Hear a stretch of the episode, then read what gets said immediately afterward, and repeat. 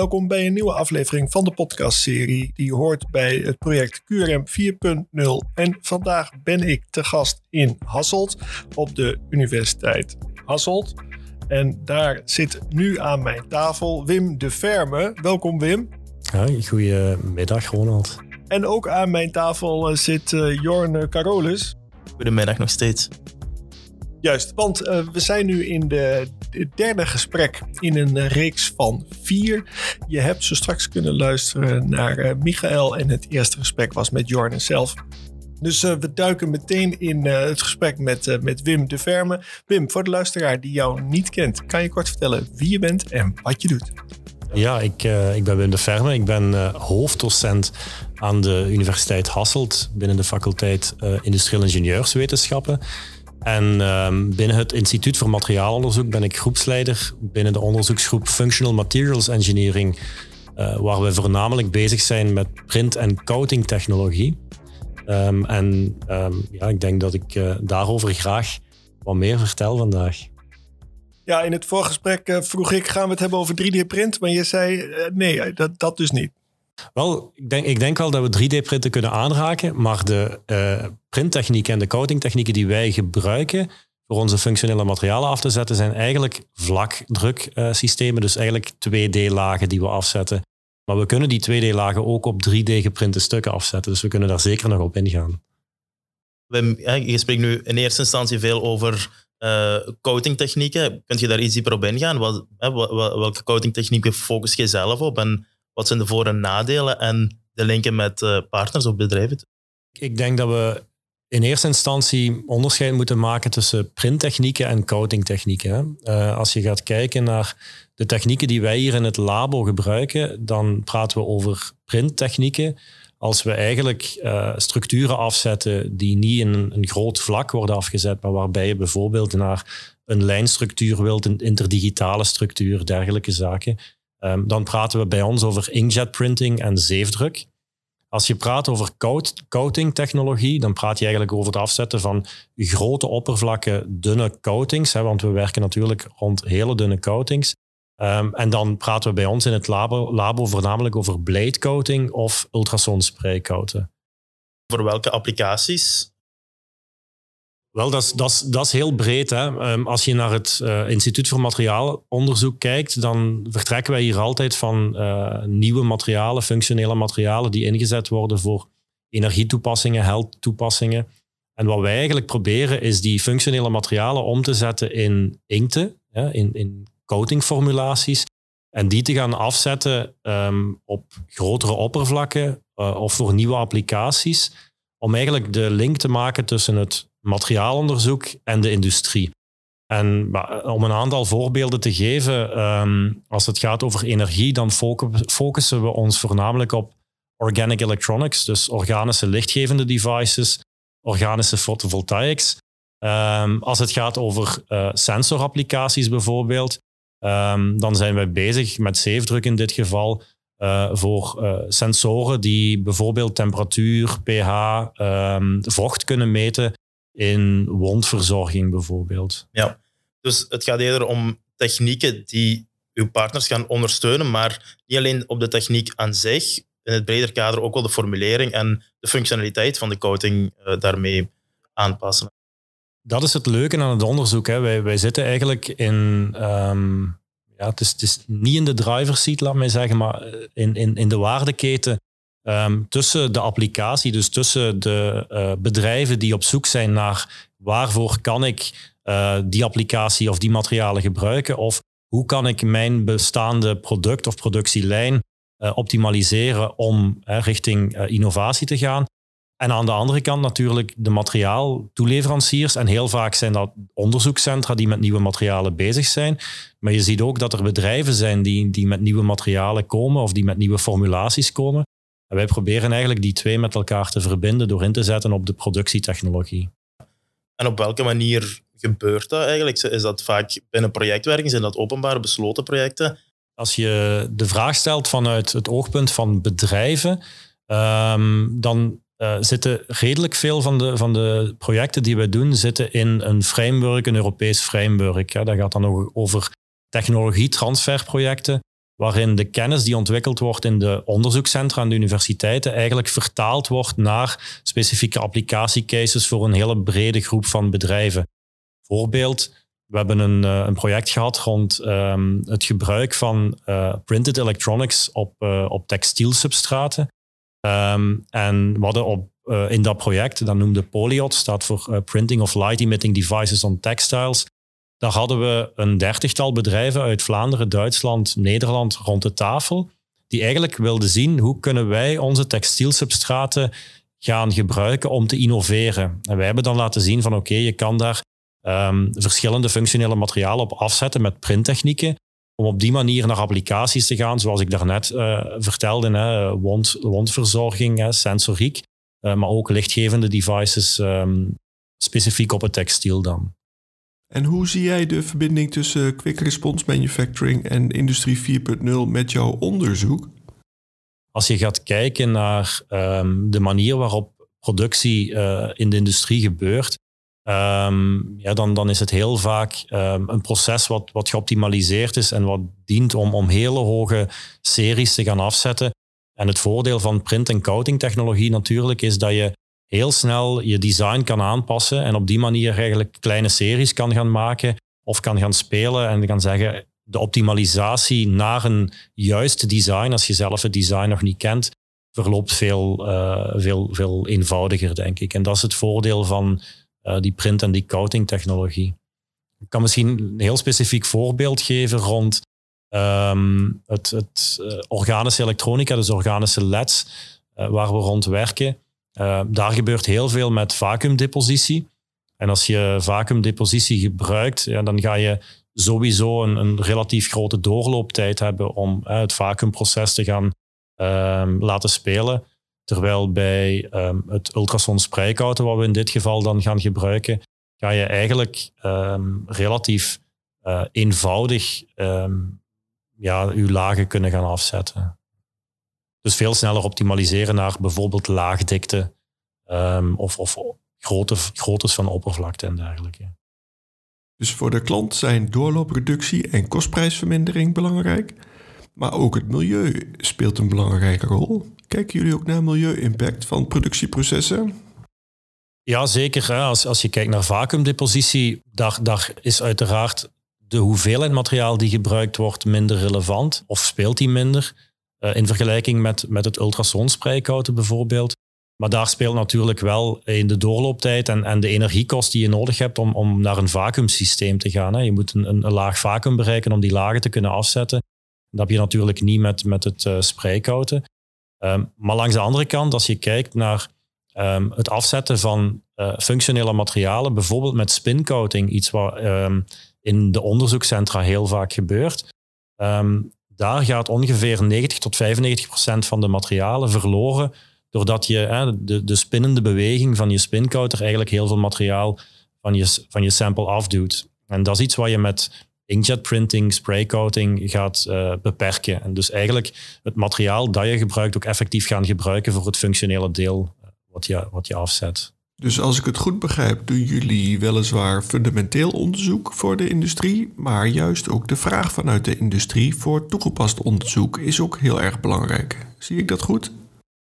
Ja, ik, ik denk dat wij ook altijd wel vanuit uh, die engineering uh, mindset vertrekken, altijd vanuit een vraag van een, van een bedrijf uh, of een specifieke applicatie vertrekken. En dan gaan kijken van oké, welke printtechniek is nu het meest geschikt om te gaan gebruiken? Um, of welke materialen moeten we daar nu voor gaan gebruiken? En kunnen we die materialen überhaupt wel, wel gaan printen? Want niet, niet alle materialen lenen zich ertoe om naar een inkt of een, een coatingformulatie te gaan. Dus dat, zijn meest, dat is meestal wel de mindset waar we, waar we van vertrekken. En vanuit het onderzoek krijg je al gauw te maken met het ontstaan van nieuwe kennis en intellectual property, waarbij de vraag is: van wie is de nieuwe opgedane kennis eigenlijk? Kun je daar wat over vertellen? Ik kan daar zeker iets over vertellen. We zitten als IMO, als Instituut voor Materiaalonderzoek, eigenlijk zowel bij UHassel, bij de universiteit, als bij IMEC, waardoor het um, heel vaak ook um, eenvoudiger is om richting IP de juiste partijen te betrekken om, om IP-onderzoek te doen en zo. Um, we zijn ook altijd, als we met bedrijven werken, uh, er ons bewust van dat, dat daar IP kan uitkomen. En er zijn altijd heel goede afspraken over IP. Um, voordat we in een project stappen. We hebben nooit een project gedaan uh, met dat wieler. Um, waarbij zij eigenlijk met een hele specifieke vraag kwamen. Die uh, wij dan vertaald hebben naar um, het afzetten met de ultrasoon spreekouder. Wat initieel niet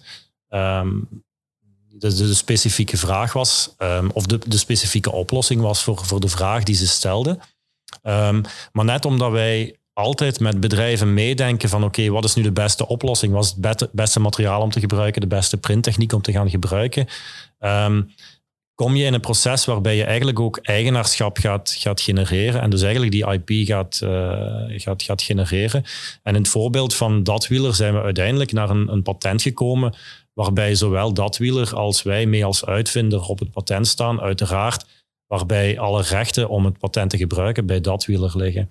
En zo zijn er tal van voorbeelden waar uh, met bedrijven eigenlijk rond IP wordt gewerkt. Maar ook als je intern kijkt, hè, de, de onderzoekers, de doctoraatstudenten, de postdocs bij ons in de groep, um, die werken op een, op een eigen project. is niet altijd um, heel specifiek gelinkt aan een bedrijf, maar wel aan een applicatie die uiteindelijk bij, voor verschillende bedrijven interessant kunnen zijn. Um, en daar hebben we recent, bijvoorbeeld als je gaat kijken naar um, printed electronics, dat evolueert, of dat evolueerde de afgelopen jaren van um, geprinte elektronica op glas naar folies die dan flexibel zijn en uiteindelijk naar uh, rekbare devices. En daar zijn we ook naar een systeem gekomen, um, ontwikkeld door, door Steven Nagels in, in zijn doctoraat, waarbij we eigenlijk, uh, we noemen dat silicone devices, geleidende materialen, vloeibaar geleidende materialen, embed hebben in siliconen um, matrix en daar sensoren uh, kunnen aan, aan hechten of, of uh, IC's of de shelf componenten kunnen aan, aan, aan verbinden. En op die manier eigenlijk naar een volledig elektronisch systeem gaan, de PCB, maar dan de rekbare PCB eigenlijk. Uh, wat we nu op dit moment ook uh, aan het patenteren zijn en, en, waar de bedoeling is om, om uh, begin volgend jaar richting een spin-off te gaan. Wim, is er iets wat wij nog niet hebben gevraagd wat je graag zou willen toevoegen? Wel, ik, ik denk dat um, als je gaat kijken naar uh, quick, quick response manufacturing en, en naar uh, de link met bedrijven, dat het um, best wel uh, interessant is om, om even mee te geven de, de technieken die wij in huis hebben, waarvoor die geschikt zijn. Kan mij de vraag, je, kan jezelf de vraag stellen: oké, ik heb een bepaald design, een bepaalde applicatie. En ik zou mijn productietechnologie eigenlijk willen aanpassen naar een bepaalde printtechniek. Welke printtechniek moet ik nu gaan gebruiken? Um, en dan um, geven we eigenlijk altijd mee van, oké, als het hele dunne lagen moeten zijn, maar het moet gepatroneerd zijn. En heel dun, dan praat ik over, laat me zeggen, 200 nanometer. Uh, dan ga je heel vaak naar inkjet printing. En daar kan je patronen afzetten die een breedte hebben van pakweg 30 tot 50 micrometer. Als je gaat naar diezelfde resolutie, dus 30 tot 50 micrometer.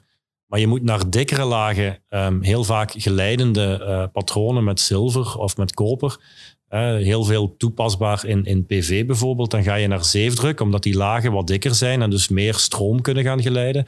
Dan ga je naar enkele micrometers dik. Van het moment dat je zegt van oké, ik wil echt naar opschaling, maar ik wil coatings gaan afzetten, dan gaan wij heel vaak naar ultrason spreikouten, waarbij de laagdikte van die spraykouter, of van, van de laag die je afzet, rond de um, ja, paar honderd nanometer ligt, maar waar we wel kunnen um, downsizen naar ongeveer 30 nanometer in dikte. Dus als je dan als bedrijf de vraag stelt van oké, ik heb een bepaalde applicatie en nu kan ik het voorbeeld geven van een 3D-geprinte uh, substraat en een bedrijf die, dat die 3D-print komt, um, komt naar ons toe en zegt kijk, we willen een bepaalde coating op ons 3D-geprint substraat. Goed, dan ga je nadenken welke printtechniek is daar het meest geschikt voor. En uh, uiteindelijk kom je dan bij ultrasoon koud terecht. Enerzijds omdat de laagdikte heel dun is, maar anderzijds ook omdat de afstand tussen je substraat, in dit geval je 3D-geprint object, en je printer veel groter is dan bijvoorbeeld bij inkjet printen en bij zeefdruk. Inkjet uh, is 1 mm zeefdruk ligt rond de, of ligt onder de centimeter. Maar bij spreekhouten kan je gemakkelijk tot 5, 6 centimeter afstand gaan. Waardoor 3D-objecten, niet noodzakelijk 3D geprint, maar alle 3D-objecten ehm, eh, veel gemakkelijker kunnen behandeld worden of gekoud worden met spreekhouten. Als voorbeeld. Voor de luisteraar die denkt, uh, dit is precies uh, wat, ik, wat ik zoek. Um, hoe kunnen ze het makkelijkst contact opnemen met jou? Wel, um, ik denk dat um, het gemakkelijkste is om, om een mailtje te sturen. dat is wim.deferme.uhasselt.be. Maar natuurlijk kan dat ook altijd bij onze business developers van het IMO, Jorne, of, of Lieve de Donker, collega van Jorne. Ik denk dat dat de gemakkelijkste weg is om ons te vinden. Die contactgegevens staan ook op de website. Dus, uh. Oh, en uh, de website is? www.uhasselt.be slash IMO. Afsluitend heb ik altijd uh, drie vragen voor mijn gesprekspartners. En de eerste vraag is, waardoor word jij geïnspireerd? Kan zijn een boek, mag een film, YouTube-serie. Vertel. ik ben uh, op dit moment een, een, boek aan het lezen, eigenlijk het, levensverhaal van Nelson Mandela. Long Road to, um, to Freedom. En dat is iets wat mij wel inspireert. Niet alleen het verhaal over de, de, geschiedenis van apartheid en, en uh, de, um, de ballingschap van Nelson Mandela, maar ook de manier waarop hij daarmee omgaat. En, en ik denk dat je daar heel veel kan uit leren naar leiderschap en hoe je omgaat met bepaalde uh, situaties. Is er een uh, podcastserie waar jij naar luistert? Wel, um, we hadden het juist over, over Steven Nagels. En uh, Steven is iemand die, die zich ook heel fel laat inspireren door wat hij leest en wat hij hoort. En heeft mij ooit gewezen op een, op een podcast over extreme leadership. Um, wat gaat over US Navy SEALs die um, hun ervaringen in, in Irak vertaald hebben naar hoe je omgaat uh, met, met leiderschap en hoe je bepaalde beslissingen neemt. Uh, en dat vond ik wel een, een heel interessante podcast. En mijn allerlaatste vraag is: eh, naar wie zou jij graag eens willen luisteren in het kader van deze podcastserie over Quick Response Manufacturing en Industrie 4.0? Wat heel interessant kan zijn, is iemand die uh, vanuit het ondernemerschap uh, hier naar kijkt en iemand die heel veel ervaring heeft, misschien bij, bij grote bedrijven, maar nu de stap heeft gezet naar een KMO of een, een, een start-up. Om daar eens te kijken van oké, hoe, ga je, hoe ga je om met die QRM en, Industrie 4.0? Uh, met alle ervaring die je hebt vanuit de grote bedrijven in de tijd dat Industrie 4.0 er eigenlijk nog niet, nog niet echt was. Maar nu bij de start-up daar wel mee in rekening moet nemen. Dat lijkt me wel interessant om. Eh, ja, en um, heb je toevallig ook een naam eh, die daarbij hoort? Of zeg je zo'n soort figuur zou interessant zijn? Eerder het, eerder het profiel. Ik heb niet meteen een naam die, uh, die me te binnen schiet. Dan wil ik jullie allebei bedanken. Als eerste natuurlijk Wim. Dankjewel voor dit gesprek. Graag gedaan. Jorne, wederom zonder jou had ik het niet gekund. Dankjewel. Graag gedaan. En ook de luisteraar wil ik bedanken, want uh, ik vind het fijn dat je helemaal tot het einde bij ons bent gebleven. Uh, vergeet niet om je te abonneren, want binnenkort staat er weer een nieuwe aflevering voor je klaar. Graag tot dan.